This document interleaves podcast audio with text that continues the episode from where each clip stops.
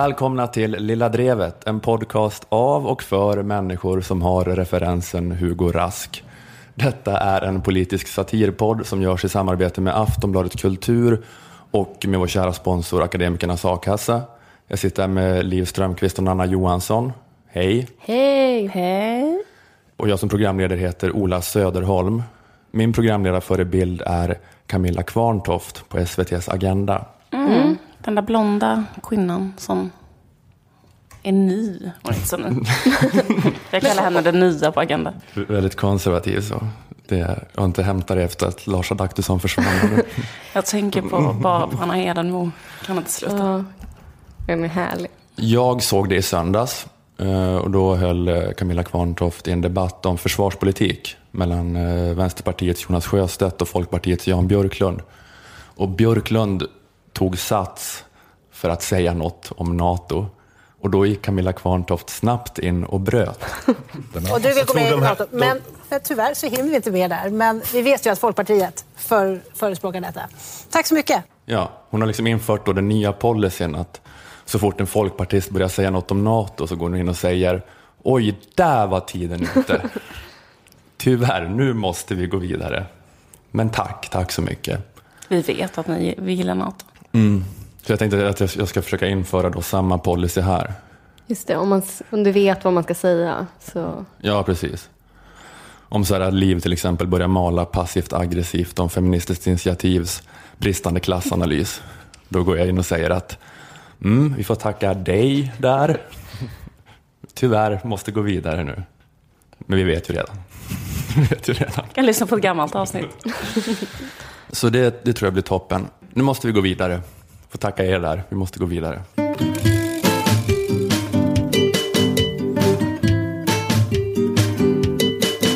Vi är ju väldigt glada att ha Akademikernas A-kassa som sponsor av den här podden. Mm. Mm. Absolut. Tack för ett rungande ja. vi är det. Det är ni. Ja. Ehm, och vi tycker att alla ni som lyssnar ska gå med i a-kassan eh, och tvinga alla ni känner att gå med. Det tycker vi. Ehm, det är som sagt en extra bra tid att göra det nu eftersom eh, a-kassetaket kommer höjas med 5 000 kronor i månaden. Eh, om bara regeringens eh, budget går igenom. Det kommer alltså innebära att man kan få 20 000 kronor i månaden om man hamnar mellan jobb istället för 15 000 i månaden som det är nu. Eh, info om vilken a-kassa du bör välja finns på väljaakassa.se. Eh, om du är akademiker så är Akademikernas ett självklart val. Eh, läs mer på akademikernas.se. Akademikernas a-kassa kostar bara 90 kronor i månaden men den skänker dig då oändlig trygghet. Det är som att ligga och guppa runt i fostervattnet. Dessutom är det solidariskt med alla andra arbetstagare i landet att vara med i a-kassan. Det är också solidariskt med den här podden om du vill att den ska fortsätta. Eh, och om ni tog steget och gick med i Akademikernas eller någon annan a-kassa tack vare Lilla Drevet får ni gärna berätta om det i sociala medier under hashtag Lilla Drevet i ett ord. Eh, och ni kan också skriva det i era ansökningar till a-kassan.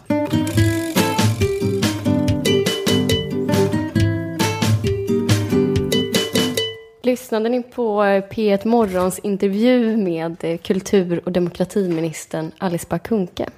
Nej, jag har faktiskt inte hört den. Jag hörde den. Eh, jag lyssnade på den först efter att ha läst Gunilla Bråders krönika om intervjun i Expressen. Eh, det är en ganska hård krönika. Bråders skriver till exempel det är bara 11 minuter, men det ger en förkrossande bild av att Alice Bah Kuhnke ingenting kan. Hon saknar kulturell kärna.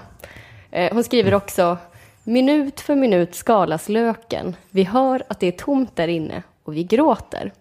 Eh, hårda ord. Mm, väldigt hårda ord. Jag reagerade här... faktiskt också på det, för jag läste också den tänkte, mm. det, det, var väldigt hårda ord. Det är så himla taskigt. Eh, jag tänkte det här blir plågsamt att lyssna på. Eh, så jag tryckte på play och intervjun gick igång. Det lät så här. Ja du. Hur ska jag svara på det? Vad vi ska driva för slags politik. För det första så, han, jag, jag, är ju inte så, jag är ju inte så insatt i det här med eh, annat än det vi har hunnit lärt oss nu. Nej, jag skojade bara. det där är en intervju med eh, Sverigedemokrat i Värmland. Men det var ungefär så jag hade föreställt mig att den här intervjun skulle vara med tanke på hur mycket folk skällt på den. I själva verket var intervjun lite mer så här. Det nya stora är ju att vi i vår, eh, eller vår regering satsar en kvarts miljard mer på kulturen i vår budget än vad som gjordes förra året. Eh, det är det största, att det är en satsning trots det ekonomiska läget. Ja, det är lite sävligt, lite tvekande, men det kanske inte är så dåligt som folk försökt få det till. Det är inte bra, men det är inte så dåligt att det är befogat att beskriva Bakunke som någon slags ballongdjur med ingenting inombords. Eh, Okej, okay, hon låter lite nervös och visst, hon upprepar sig några gånger för mycket om demokrati och mångfald. Politiken har ett ansvar att värna vår demokrati, vår yttrandefrihet och vår mångfald. Eh, men det är ju ganska vanligt intetsägande politikerspråk som i princip vilken makthavare som helst hade kunnat rapa ur sig. Eh, det känns lite konstigt att låtsas som att alla andra politiker är supertydliga och att hon är någon slags unikum. När det snarare kanske är vanligt att, eller att det snarare hör till ovanligheterna att någon säger något konkret. Eh, jag, jag tänker lite så här, det är som att journalistkåren så himla gärna vill hitta en klåpare i det nya ministergänget. Vid förra regeringsskiftet så fick de ju sätta dumstrutar på en hel klase ministrar på ett bräde. Så nu har de blivit lite bortskämda med det. De har förhandsbeställt ett storpack med dumstrutar i olika storlekar som de bara väntar på att få använda. Men så visar det sig att det kanske inte fanns så där supermycket att hugga på med de nya ministrarna. Eh, så nu ligger dumstrutarna i personalrummet och bara skräpar. Förvirring råder. Ska vi slänga dem? Ska vi skänka dem till myrorna? Det är lite svårt att komma fram till kaffemaskinen med alla de här oanvända dumstrutarna som ligger i vägen. Men då kom de på att man typ kan sätta en dumstrut på en av ministrarna. Hon mm. Disney-tjejen som darrar lite, lite på rösten när hon får en rak fråga. Henne ska vi ha. Men du är lite så här besviken att du hade bespetsat dig på riktigt så här cringe-humor. Att det skulle vara ja, som att se ja, men The, precis. The Jag stålsatte mig lite för att så här, om, om det, här, det här blir jobbigt. Men det var inte alls, det var väl lite så här tråkigt. Mm. Men det var ju inte, jag hade nog inte reagerat på det så mycket. Fortfarande ett onödigt inköp av dumstrut. Ja, du. verkligen. Pengar som kunde använts till att låta Niklas Svensson flyga lite mer helikopter. Mm. Och titta på någon slags, låt det skumma lite på vattnet där, tror han kanske. Han vet inte riktigt. Det kan ha skummat. Förmodligen var det ju inget, förmodligen var det väl bara skum. Eh, men eh, det piloten noterade var att det bubblade. Eh, men Brodder skriver också i sin krönika att posten som kulturminister inte är någon lärlingsplats. Och det kan man hålla med om. Eh, visst hade det varit härligt om Bakunke varit 100% gjuten från dag ett. Men för nyansernas skull så vill jag bara påminna om vad vi haft för ministrar de senaste åren och hur de kunde vara i intervjusammanhang. Eh, den här killen till exempel. Vi har varit mycket tydliga med att Wikileaks-dokumenten är omöjliga att kommentera eftersom det handlar om tredjepartsuppteckning. Men du är första part. hur var det? Det här är en tredjepartsuppteckning. Ja, men du kan ju berätta hur det var. Mm, men det här är en tredjepartsuppteckning och den... Ja, det där var ju inte ens under Tobias Billströms första månader som minister utan när han var gammal i gamet så att säga. Eh, jag försöker bara vara fröken Nyans här och säga att Alice Bah Kuhnke är lite dålig i intervjun, men hon är inte superdålig. Hon förtjänar kanske inte så Billström mycket skit. Eh, så jag tycker man kan lägga undan dumstrutarna i källaren någonstans och plocka fram dem när det verkligen är befogat. Typ ifall Bah Kuhnke skulle snacka skit om muslimer med eh, amerikanska ambassadörer eller något sånt. Men var det inte lite så att Gunilla Brodrich skrev att, att, hon, att det så här, hon var så halvkast mediatränad. Det var lite osäkert, men det var inte så här superkatastrof kanske. Men det var lite halvdåligt sådär, lite segt. Och att det kommer säkert bli bättre. Men mm. det tråkiga var att, eller det hon skrev i sin krönika i alla fall, var att, så att jag kände inte att Alice Bah hade någon feeling för kulturfrågorna. Hon skrev att hon saknar kulturellt kärn. Mm. men... Ja, men att hon inte sådär, när det kom lite så frågor om pressstöd eller vad tycker du om kungahuset? Att, att hon inte hade någon så egen feeling kring det utan att hon så försöker gissa vad är det rimliga mediatränade svaret nu. Och att Gunilla Broders vill ha någon som, som, som brinner liksom. Älskar kultur överallt. Ja, precis. Men det är frågan om man måste... Alltså hon ville att hon skulle svarat på alla frågorna med en Bruno K. Öijer-dikt, typ. ja, precis. Skulle haft ett citat eh, från Bob Hansson som svar på alla frågor. det hade väl inte varit fel. Jag vet inte om det hade varit bättre. Men jag, jag vet inte om hon behöver här... ha en så kallad eh, quote kulturell kärna. De frågade ju också, de frågade hon också så här, eh, vad tycker du om det här med att man går in och eh, ändrar i... i eh, död, ja, precis. Mm. Um, och där kan det också kännas som att så här, oavsett vad Alice Bah hade svarat där så hade folk blivit superarga. Eller så där kan man fatta så här, hon mm. vill inte kliva i det ja. getingboet, ja. eller varför ska ja. det dras upp igen? Men då sa hon att det är en hypotetisk fråga. Hon använde eh, att det är en hypotetisk fråga flera ja. gånger. men var ett stort problem i intervjun att hon inte hade riktigt klart för sig vad hypotetiskt betydde? Ja, precis. Att hon använde hypotetisk fel hela tiden. Ja, det var en liten skönhetsfläck. Ja, nej men eh, jag vet inte. Ja, men det Gunilla Bråder som menar kanske att hon vill ha Håkan Juholt som kulturminister. Han kanske hade haft en Bruno Koyer-dikt. Ja, men någon som sitter, mm. ja, exakt, som sitter och gråter, eh, hulkar fram Ulf Lundell-citat och gråter av rörelse. Skulle haft mig då. Mm. ja, precis. Men man kanske inte ska piskas för att man inte känner den superglöden. Nej, det är väl också något som är liksom att just när man är kulturminister, att då är man ju minister över dem som har makten över kultursidorna och älskar att tänka kritiskt och älskar mm. att analysera och älskar att vara så här Eh, jag menar, typ om man är landsbygdsminister så blir man inte kanske... Alltså bönder, vad ska de göra om de tycker att man är en jävla sopa? Kasta sig komocka på en ställ. Ja, men precis. De får liksom valfade tusen med sådana högafflar och sticken. Men det ska mm. nog mycket till. Medan eh, kulturarbetare har en direkt kanal där på sin kultursida. De kan skriva direkt. Bönder får göra sådana, eh, ni vet när man skriver så i sina... Just det, med traktor. Med, med, med, som man gör med, för fejka ufo-landningar. Mm. Om de skulle vara missnöjda med landsbygdsministern skulle de skriva så här. Du saknar en bondekärna.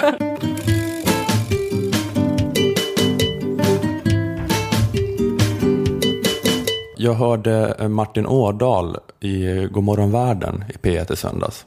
Mm -hmm. Minns ni Martin Årdal? Ja. Ta tillbaka det Martin. Ta tillbaka det. Ta det tillbaka det, Ali Nej, detta, detta är... Ali ska inte kalla de tjejer som driver en massa rutföretag ute i Sverige för tjänstefolk. Ta tillbaka det. Jag träffar dem varje dag. De som gör verkligheten lite drägligare, lite enklare. Ja, han var sånt äh, Centerns stora stjärnskott i valrörelsen. Ja, stora agitatorn. Kör över Ali Esbati fullständigt. Man hör där i applåden att Ali Esbati försöker skjuta in, jag träffar också människor. eh, pingstpastor för RUT. Eh. RUT-karismatiker. Ja, det är faktiskt sant. Kai Pollak borde göra en film om honom. Om hur han förlöser en RUT-städerska. Precis. Han åker tillbaka. Han är kanske utbränd efter att ha jobbat inom Centerpartiet. Han har sig tillbaka till sin hemort. Och där träffar han en, en sån tjej som, som är en ängel. Egentligen är hon en ängel. Det finns en parallell historia. Är det inte en sån grej? Ja, precis. Som badar hon naken, förlöser honom. Du är inte ett tjänstefolk, säger han till henne. Du är en ängel. ja, precis. Men det, det är då Martin Ådahl, den här centerpartisten, som flippade på Alice Bati eh, i en debatt inför valet eftersom han refererade till rutstäderskor som tjänstefolk. För tydligen så är det en problematisk benämning. Man får inte säga det fula TJ-ordet. Just det. det fula ske-ljudet. Om Martin Årdal eh, varit SVT-chef och det varit hans beslut att klippa bort eh, problematiskt lingo ur gamla Astrid Lindgren-filmatiseringar då hade ju han liksom så fokuserat på att få bort de stötande benämningarna på drängen Alfred och pigan Lina D-ordet och P-ordet. En som heter Alfred och en som heter Lina. ja, det var ett klipp från den Martin Årdal tvättade versionen av Emil i Lönneberga. Du ger oss en, bra, en fin bild av eh, framtiden i en centerpartistisk diktatur. Hur det skulle se ut. Den här varianten kanske är ännu bättre. En som driver rutföretag som heter Alfred och en som driver rutföretag som heter Lina eh, nog med bakgrundsfakta om Martin Ådahl. Eh, han var som sagt med då i Godmorgon världen i P1 i söndags. Ämnet var nationalekonomernas inflytande över politiken. Du sa att förra finansministern Anders Borg är nationalekonom och hela hans stab på Finansdepartementet var nationalekonomer. Samma nu med nya finansministern Magdalena Andersson. Hon är nationalekonom och hela hennes gäng är det också. Och eh, frågeställningen var om det är ett problem liksom, är det lika bra att alla är nationalekonomer eftersom att de ekonomiska teorierna ändå är den objektiva sanningen? Eller i alla fall, så, eh, eller i alla fall att teorierna är så här, ett opolitiskt verktyg. Eh, eller är det så att man har gjort något slags ideologiskt ställningstagande bara genom att köpa de här teorierna? Och att det då blir så ett problem för att de som låtsas vara apolitiska experter egentligen är djupt politiska. Och djupt nyliberala va? Och det var då två politiker med i det här reportaget. Två politiker som också är nationalekonomer. Dels då Martin Årdal och så återigen Ali Esbati. Så de möts igen. Batman och Jokern. Tvingar honom att ta tillbaka någonting? de var liksom inte ihopfösta i samma rum utan det var en report som gick emellan dem.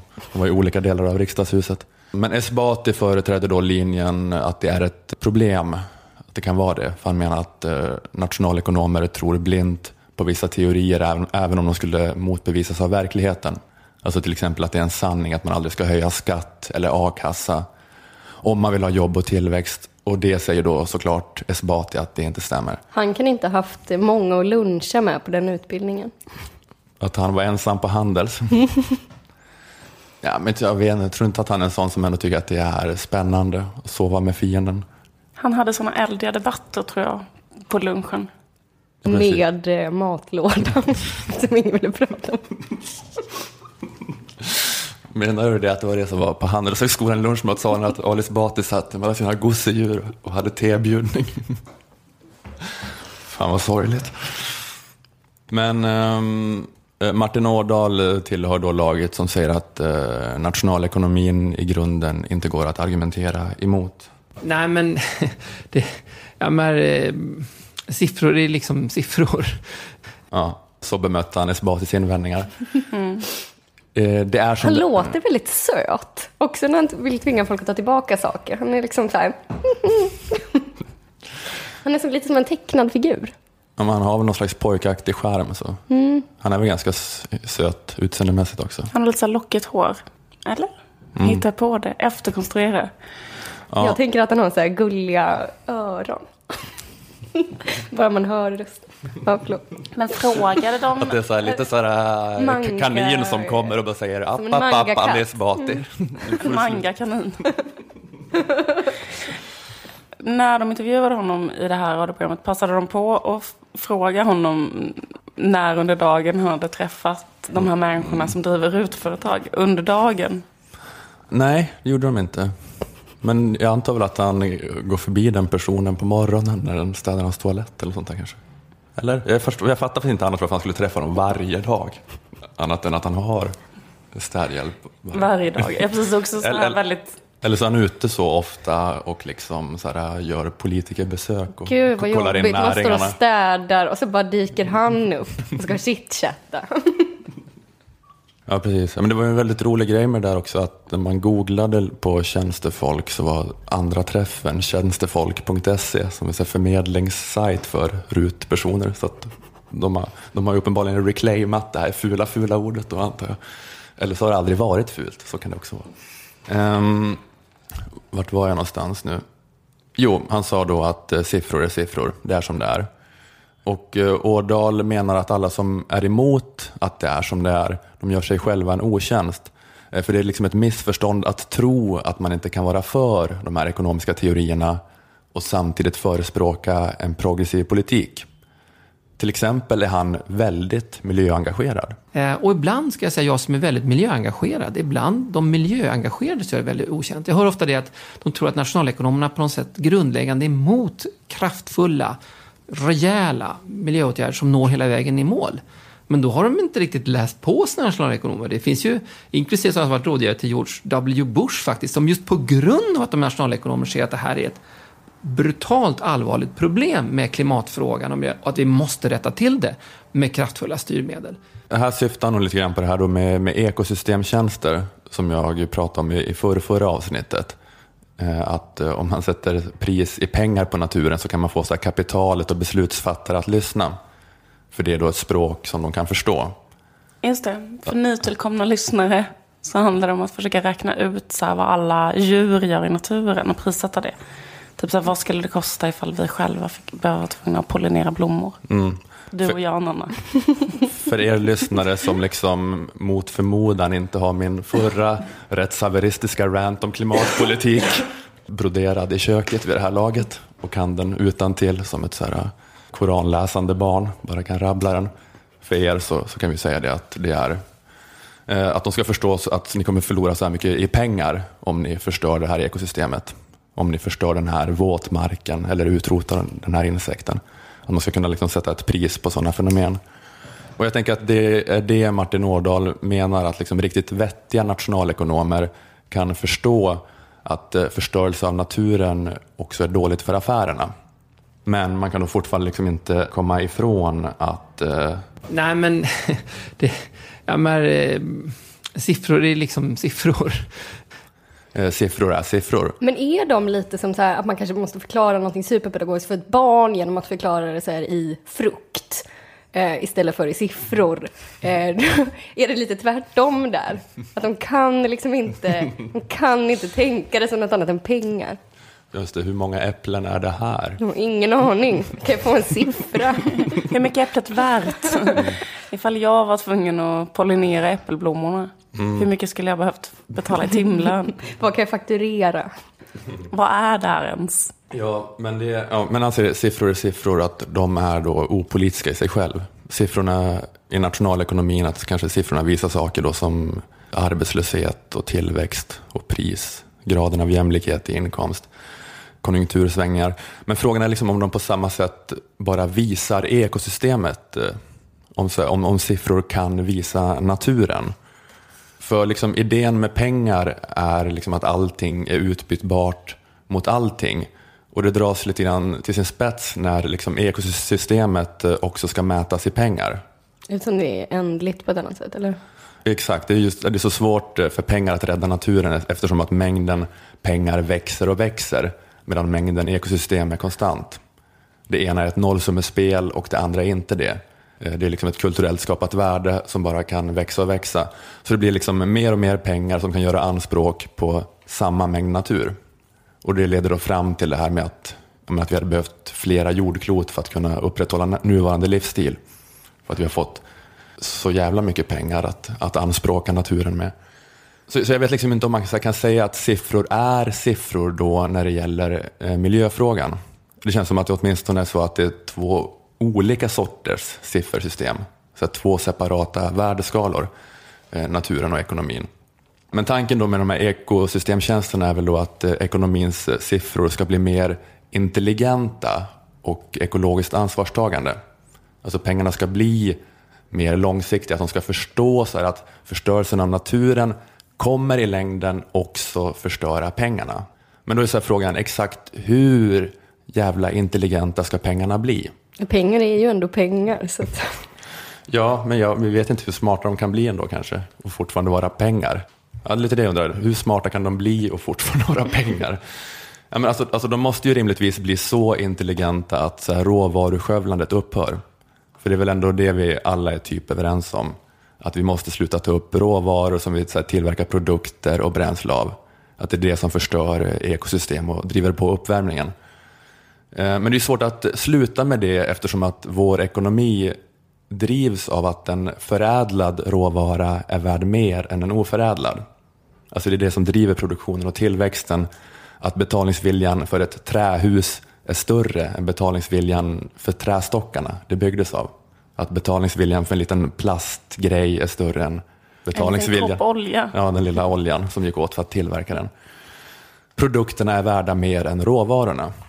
Men om förbrukandet av råvaror ska upphöra med den här metoden, då måste ju liksom bli så att råvarorna har ett högre värde än produkterna. Alltså mm. att ekosystemtjänsten träd måste tillskrivas ett högre värde än produkten hus. Just det. Humanekologen Alf Hornborg skriver om det här. Han skriver så här att om mot förmodan skulle lyckas fostra en Homo economicus, alltså om vi mot förmodan skulle lyckas fostra en ekonomisk människa Eh, Eh, till att betala mer för naturresurserna än för de produkter de skulle kunna omvandlas till kommer naturligtvis all sådan omvandling, all produktion att upphöra. Eh, och det är ju det som händer då såklart, att om råvarorna är värda mer än produkterna, kommer vi låta allt ligga kvar i marken.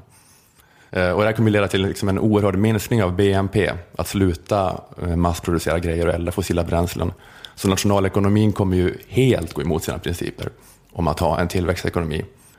Jag vet inte, det är som att då pengarna och ekosystemtjänsten och nationalekonomerna kommer vara så intelligenta och ansvarstagande att de kommer göra det ändå. De kommer förstå att den här jättestora nedskalningen ändå kommer vara bättre än att köra på och krascha allting totalt. För hade man gjort det hade man ju haft ännu mindre pengar i slutändan än om man bara hade gjort den här nedskalningen.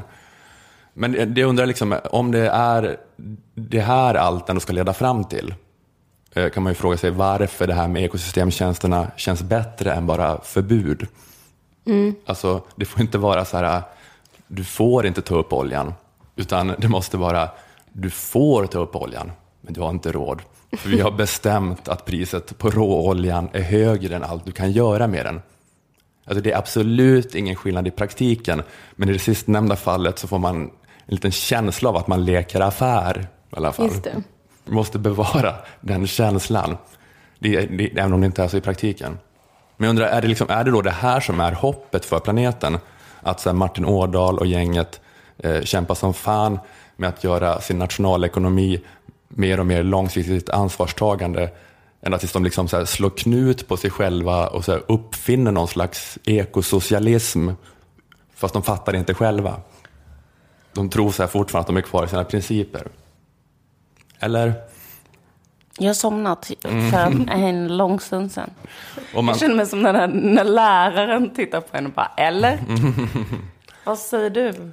Ja, men det är så att om man så drar det här ekosystemtjänst-tänkandet till sin spets förstår jag inte riktigt hur man behåller tillväxtekonomin. Ja, men det är att om ekosystemet är ett nollsummespel och ekonomin helt och hållet ska spela på de villkoren så måste väl ekonomin så här, i slutändan också bli ett nollsummespel. Kan man inte göra pengar, att pengarna tar slut? Varje gång du köper någonting med kortet försvinner de pengarna. Ja. Sen är pengarna slut, då finns det ingenting att handla eh, olja för. Ja, precis. Men jag tror också att det går emot de nationalekonomiska ja, principerna på något vis. Ska vi höra en gång till när Martin Agård skriker? En som driver rutföretag som heter Alfred och en som driver rutföretag som heter Lina.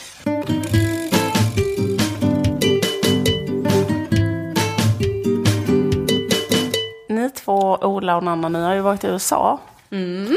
rätt så länge när ni var borta så uh, har ni missat en del stora nyheter som har varit här hemma i Sverige. Mm. Det har ju till exempel pågått en stor jakt där liksom många människor har letat efter någonting som de inte har hittat. Men sen avslöjades det då häromveckan att det de letade efter inte fanns. Jag pratar såklart om G-punkten. Åh, vilken fint! kanske var nyhet i USA också. Det är ett italienskt forskningsinstitut som har kommit på att det då som har kallats för G-punkten innan inte går att liksom bevisa vetenskapligt att det finns. Den här idén mm. om G-punkten, den lanserades ju på 80-talet faktiskt av en sjuksköterska som heter Beverly Whipple. Och idén är ju då att det finns en speciell punkt som sitter fem centimeter upp i främre slidväggen som ska ge kvinnor, kvinnor då väldigt starka orgasmer som är starkare än de som framkallas via klitorisstimulans på utsidan. Har ni hört talas om det här? Eh, hon skrev i alla fall en bok om det här som blev en internationell bestseller och översattes till 19 språk. Det var en osannolik... Det fanns ett sug och ett stort intresse för information om G-punkten. Men det är, samma, det är lite som med så Snömannen, att det liksom kittlar ändå. Ja, precis. Vissa hävdar att de har sett den. Och... Man, det finns någon grynig bild på den som kanske, kanske är den. Men det finns väl också ett, eh, ett stort intresse för att det ger möjligheten att bara så här eh, kaninjucka på sin tjej timme ut och timme in och ändå på något sätt tänka sig att det man håller på med är att försöka göra något som kommer ge en, en fantastisk upplevelse.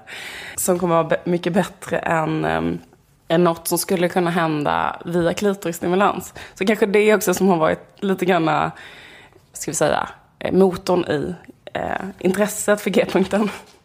Men, men grejen är att det har aldrig funnits några vetenskapliga bevis för G-punktens existens. Det har varit mer feeling som har legat bakom den här tesen. Och det är ju rätt så vanligt i så forskning om kvinnlig sexualitet att det inte direkt är forskning, utan det är mer så fri improvisation ofta. Istället för att kalla det forskning om kvinnlig sexualitet skulle man kunna kalla det för fri improvisation om kvinnlig sexualitet. Skulle det vara lite mer adekvat. Önska runt i ring. Men hur som helst, ehm, det här med eh, G-punkten har ju under åren spritt ganska mycket förvirring. Och det har också varit omgärdat av, väldigt, av ett väldigt så mystiskt skimmer. Det har ju funnits en uppfattning till exempel att alla kvinnor inte har en G-punkt. Utan bara vissa har en G-punkt. Och det är ju ganska intressant. Med intressant menar jag sjukt. Att det skulle finnas en sån lite selektivt utdelad sexpunkt som bara vissa har. Som att vissa har akne typ. Vissa har den här punkten. Det låter lite absurt, tycker jag. Och eh, nu visar också forskning att det var absurt. Det var inte så. Utan mm. istället är det så här att det som har kallats för G-punkten egentligen då är ett större område som är området runt urinröret, nerver in i vaginan, men framförallt är då klitoris rötter eftersom klitoris är mycket större än den lilla grejen som syns på utsidan och förgrenar sig över en stor yta inne i kvinnors underliv. Så det som de föreslår är att istället för att prata om en punkt och kalla det för G-punkten så ska man kalla hela det här området för the CUV-komplex. Clitoral ureteral vaginal mm. complex. Men så nu plötsligt så cool. li litar du på forskning om kvinnlig sexualitet? Ja, grejen är att den här forskningen eh, tycker jag faktiskt är rätt så bra. Mm. Och eh, jag tyckte att det var liksom eh, positivt för första gången. Att man känner att det är liksom, eh, speciellt den här forskningen då, att klitoris är så stor och att det finns en massa zoner här. Hela den här Läste om det i en bok väldigt nyligen som heter Kunskapens frukt. Just det. Jag själv har skrivit en bok om det här. Men, eh, ja, just det. Men, men då, det är mer som att eh, det är inte är en G-punkt, men att vissa, att man har trott kanske att det då, vissa har en G-punkt för att vissa har lite närmare kontakt med det där komplexet. Området ligger kanske närmare. Eller? Men jag tror också att man inte vet fortfarande hur, stor, hur stort det här klitoriskomplexet är. För det finns också idéer, teorier om att det skickar ut så nervtrådar som går i alla möjliga alla riktningar och sådär. Så det är faktiskt fortfarande inte kartlagt riktigt det som är grejen i alla fall är att, ehm, ja, men att det är liksom eh, hela det här komplexet, bla bla bla. Det finns inte en speciell punkt och eh, alla har det då. inte bara vissa på det här magiska sättet. Men jag tycker det är intressant eh, allting som liksom tar bort den här stämningen att kvinnlig orgasm är något som är väldigt så här eh, mystiskt och väldigt svårt att förstå och helt omöjligt att förklara och jättekomplicerat och liksom inte eh, att, att liksom kvinnans könsorgan skulle fungera superannorlunda från mäns könsorgan till exempel. Eh, hur som helst, så jag var rätt så glad över den här forskningen. Men en som inte var lika glad var eh, sexualupplysaren Katarina Janouch som var kritisk mot forskningen och eh, hon sa eh, så här i programmet eh, Kropp och själ när de här upptäckterna diskuterades. Vad de här forskarna missar är att alla kvinnor är individer och kvinnors kön, visserligen fungerar de på ett ungefär liknande sätt och kvinnors underliv ser ju likadana ut så. Men där är det ju otroligt olika hur känsligheten fördelas och hur man reagerar på olika typer av stimuli. Mm. Hon säger att det är otroligt olika hur känsligheten fördelas i kvinnors underliv. Så undrar, undrar är det verkligen otroligt olika. alltså det är liksom lite konstigt det här. Det är, stämningen är så här att det inte går att säga generella saker om kvinnlig orgasm. Att det är så jävla komplicerat och individuellt. Men jag tänker så här att så himla olika är det väl inte. Alltså jag är inte en sexualupplysare. Men jag tänker ändå att kvinnlig orgasm uppnås väl ändå liksom i runda slängar, om jag skulle säga något, skulle man säga att det väl ändå typ är så här. Ett, man är sexuellt upphetsad, alltså man vill ha sex. Och sen två, någon form av tryck eller friktion mot klitoris, eventuellt kombinerad med stimulans in i till exempel slidan. Ish, give or take, någonting sånt. Ungefär så, tänker jag. Men Det är inte som att vissa kanske har så här... Eh Eh, eh, jag ska inte ens... Nej men exakt, jag vill inte ens börja heller. För jag tänker så här liksom att manlig orgasm funkar på ett visst sätt och tänker att kvinnlig orgasm funkar ungefär så. Men liksom det kanske är lite, lite olika. Men det är väl ändå i den, det är väl ändå inom den, i den familjen. Eller vad ska man säga? I det landskapet.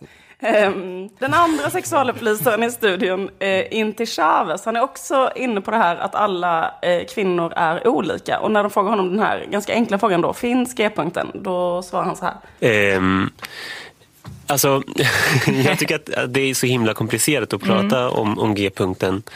Um, dels därför att kvinnor, precis som Katarina Janouch säger, människor är ju väldigt olika varandra och njuter av olika saker, har olika fantasier och eh, har olika mycket rörlighet i kroppen och så vidare. Ja, men här håller jag med om. Det är klart att människor har olika fantasier och för sig också säkert rätt mycket samma fantasier, men och har olika rörlighet i kroppen. Men om jag skulle liksom säga att efter att man då har blivit kanske upphetsad av random fantasi eller aktivitet, då är det väl ändå rätt vanligt att just om man vill ha just orgasm, just kanske tryck eller friktion mot klitoris, eventuellt kombinerat med stimulans in i slidan, kanske oftare än helt andra aktiviteter ändå leder till kvinnlig orgasm. Alltså det kanske inte är så jätte, jätte, jätte, jätte, jätte olikt hur kanske den manliga orgasmen fungerar. Det är det som är min poäng. Men mm. Katarina Janouch vill fortsätta att understryka just eh, hur många olika slags orgasmer det finns och hur komplicerat det är.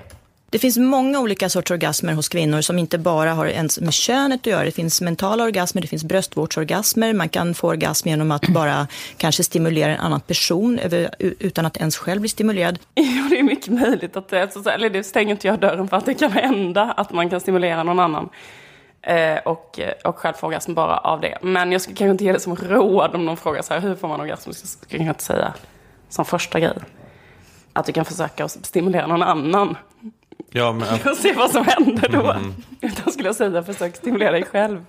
Med ja. tryck, till en sån kvinna som, som eh, är med i en sån dokumentär berättar att hon inte fick, har fått en orgasm för hon var 80. Eller så. Då kanske, det kanske inte är det tipset man Har du provat att stimulera någon annan? Mm. Ja, just det. Vi ska inte... Ja, man, man, ska inte börja med att chansa på att du kanske har den här fetischen att du behöver hålla i en sko eller sånt där. Att, ja, att det finns vissa grejer är lite vanligare än andra grejer. Jag skulle bara vilja säga att det finns ändå vissa grejer som är vanligare. Men Katarina Janouch vill inte säga något generaliserande om hur kvinnor får orgasm. Och hon vill inte ens avfärda den här gamla porrfilmen Långt ner i halsen som handlar om en kvinna som ju då eh, har en klitoris i halsen och får orgasm genom att suga av någon. Sen vill jag faktiskt säga det här med halsen också, att ha oralsex man suger av någon eller att man ser att man har en klitoris i halsen. Det finns absolut kvinnor som kan få orgasm även av den typen av sexualitet. Varje kön, varje kvinnokön är ju individuellt och man kan faktiskt hitta nya former. Mm. Ja, alltså varje kvinnokön är individuellt, men det är också eh, på många sätt likadant skulle jag vilja säga. Är liksom motivet att uh, alla ska vara så, känna sig så inkluderade? Mm, jag tror att det. Om någon, den som liksom får orgasm utav ja, långt ner i halsen ska liksom inte liksom eh, känna sig kränkt och känna sig osynliggjord. Uh.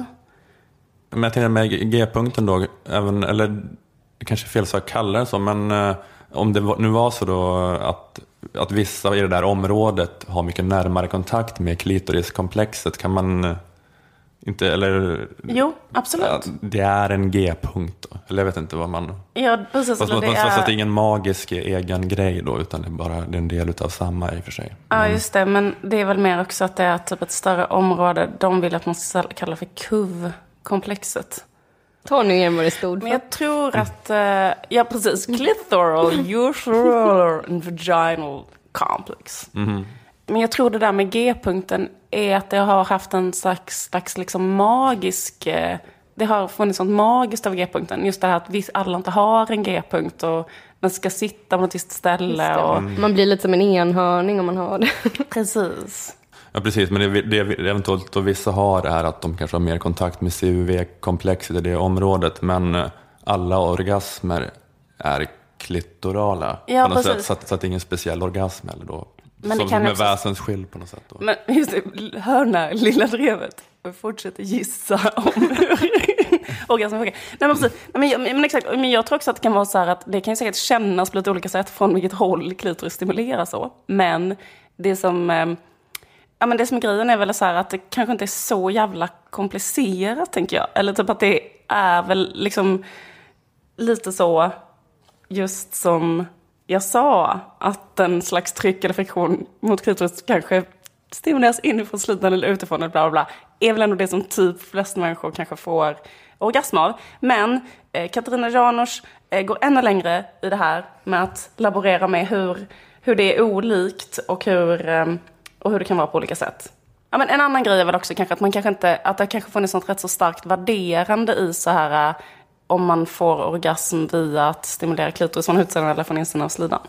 Och då har det varit så här, det är eh, G-punktsorgasmen är mycket starkare till exempel. Och att eh, Freud sa att klitorisorgasm var för omogna kvinnor och så. Men nu kommer ytterligare en jätteintressant eh, vinkel på det här med klitorial versus vaginal orgasm som Katarina Janouch säger. Men jag skulle också vilja säga så här att eh, det är ju väldigt kulturellt betingat hur man får orgasm och att säga att klitorisen är det viktigaste för alla kvinnor, det stämmer inte. Europeiska västvärldens kvinnor har ju klitoris som en eh, väg till orgasmen medan i vissa andra kulturer så är det vaginala samlaget det som faktiskt ger orgasm. Det är så spännande tycker jag, för jag tänker att eh det lät ju, alltså, hon har ju verkligen dragit sig för att vara generaliserande fram tills nu. ja, precis. Ja, exakt. Det här är ju en bomb, om det här skulle stämma. Att det är alltså geografiskt betingat. Om man får lättast en orgasm via då yttre klitorisstimulans vad det är. Ja, men, men det, också var gränsen går. Jag men, men det kanske är att man har fått lära sig, äh, men, med att man har fått lära sig typ i eh, Sverige i sexualupplysning att man ska stimulera klitoris från utsidan. Och då men har, har man fått lära sig det i sexualundervisning? Frågar jag. Ja, man fick inte lära sig någonting Eller? om hur en fitta funkar.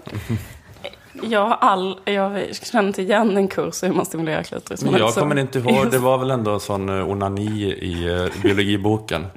Eh, med hur man onanerar. För det kommer Jag kommer ihåg att det var det om hur man, hur man runkar en kuk. Att det var så här, nu kan jag inte visa, men att det var verkligen en tecknad film som var så här, vissa gör så här och andra ja, gör så här. Ja, men det var ju det, nej, men det, ja, men det var ju såklart att det var både om killar och tjejer då, men det var ju liksom men det var ju det att det var dels det här då att man runkar så som alla killar onanerar. Och, men sen finns det också tekniken skruven. Som, och det, det har alltid varit så att man har pratat om det med andra killar. Har du någonsin hört talas om någon som kör skruven? Liksom så skruvar högst upp på ollonet. Um, ehm, kan det inte vara det? Alltså kan det inte vara att, att G-punkten är skruven då? Ja, men jag skulle säga, alltså jag, nej, ja, jag vet inte, men jag tycker att det känns eh, osannolikt att tänka sig att utanför eh, västvärlden, alltså då typ OPEC-länderna, skulle det gå en slags gräns där då tjejerna de börjar onanera, börjar direkt utan att röra klitoris och bara trycker in ett föremål sin första liksom, projekt för sig orgasm. Jag, jag, det, nej, alltså, jag vet inte, det kanske är så.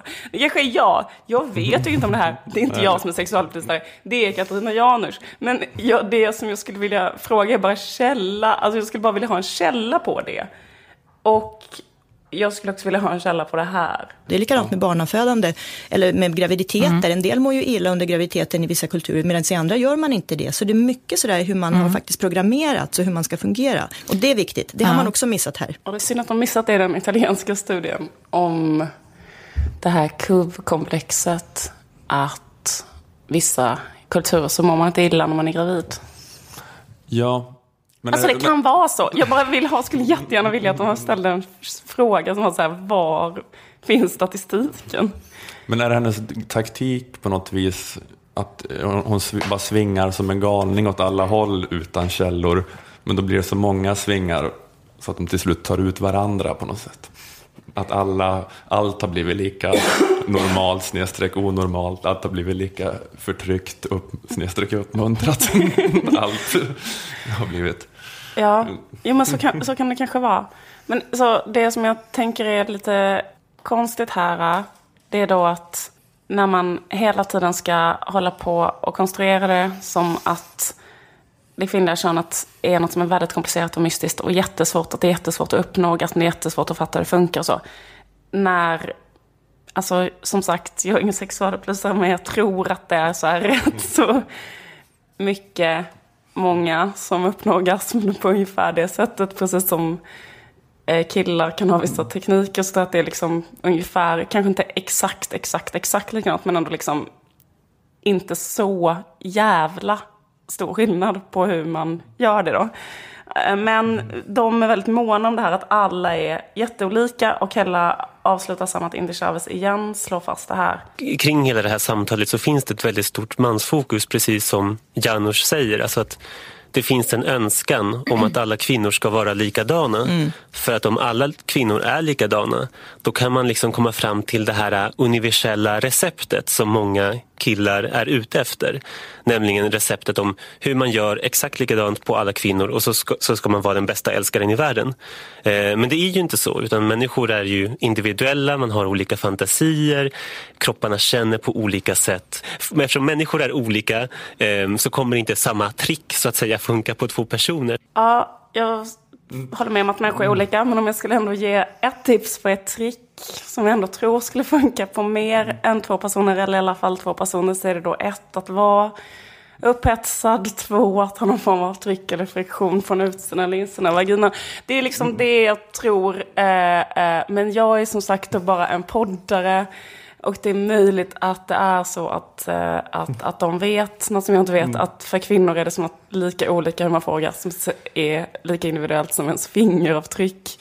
Mm. Men nu är det fint nu att du ändå ger det här då universella tricket som gör alla våra lyssnare till världens bästa älskare. Något, något med tryck, jag kommer inte ihåg riktigt. Men alltså, Säg det igen. Jag tror att det viktigaste är att man är, förlåt, men alltså, jag tror det viktigaste ja. är att man är sexuellt upphetsad. Och efter det, så om man har någon form av jävla friktion, slut på spaningen. Det, det, och det, det, tror jag att alla nästan vet och kan fatta. Ja. Jag, jag, tänker att det liksom kanske inte behöver vara så jävla mycket svårare än så. Det svåraste mm. kanske är punkt ett för många. Liksom. Ja, det är det som är så himla obegripligt med det här, att det är klart att det är så här, att det är klart att det är liksom enorma skillnader på något vis, men att, så spåra, att spåra de här skillnaderna i det fysiologiska, alltså det är just det psykologiska som det är så stora skillnader, liksom, så situationer när man blir upphetsad och sånt där. Ja, men det är svårt att tänka sig så här, att det skulle vara så här, bara, men vilken situation som helst, vilka, vilka förutsättningar som helst med en människa som det finns noll fysisk attraktion, det finns absolut ingen sexig stämning, det är väldigt mm. vidrigt, man, man har precis fått brev från Kronofogden, alltså man är vräkt någonting, mm. men då trycker någon upp fingret så fem centimeter i slidan, då ska man få en sån jordskredsorgasm. Man vet inte vad som är upp och vad som är ner. Nice. För att det finns en sån punkt i det här organet. Men, eh, nej men precis. Jag tror det viktigaste är då punkt ett, eh, var kåt, punkt no. två, eh, eh, tryck eller gnugga på något sätt. In, eller stimulera någon annan. Eller stimulera någon annan. Eller alternativt sugga av någon. Ja, just det. Eh, Okej, okay, tack för... Ja, eh, mm, mm. Eller varsågod ska jag säga.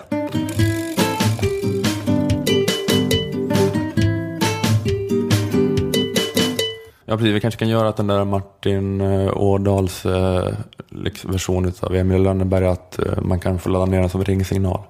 Och vi kan ordna det på något sätt. Ja, det vore ju fett. Ja. Kan vi ordna det? Mm, nej, det var svårt att se. Har vi någon som är teknisk? Nej. Nej. Men... Eh... Vi kan inte så mycket. det var ju ett helvete nu bara att få tekniken att funka på att spela in den här podden. Ja, fruktansvärt. Ja, precis. Det är lite olyckligt den här uppladdningen som är, i alla fall varje gång eh, inte kringlan är här, att ni måste vara med när jag pyser ångest i en timme. Och, eh, ja, och när man bara sitter, halvligger i en soffa och väntar på att allt ska bli klart. Mm. Ja, det, det, var allt för den här veckan. Tack Liv, tack Nanna. Jag heter Ola. Eh, den här podden görs i samarbete med Akademikernas A-kassa och för Aftonbladet Kultur. Hej då! Hej, hej! Hej då!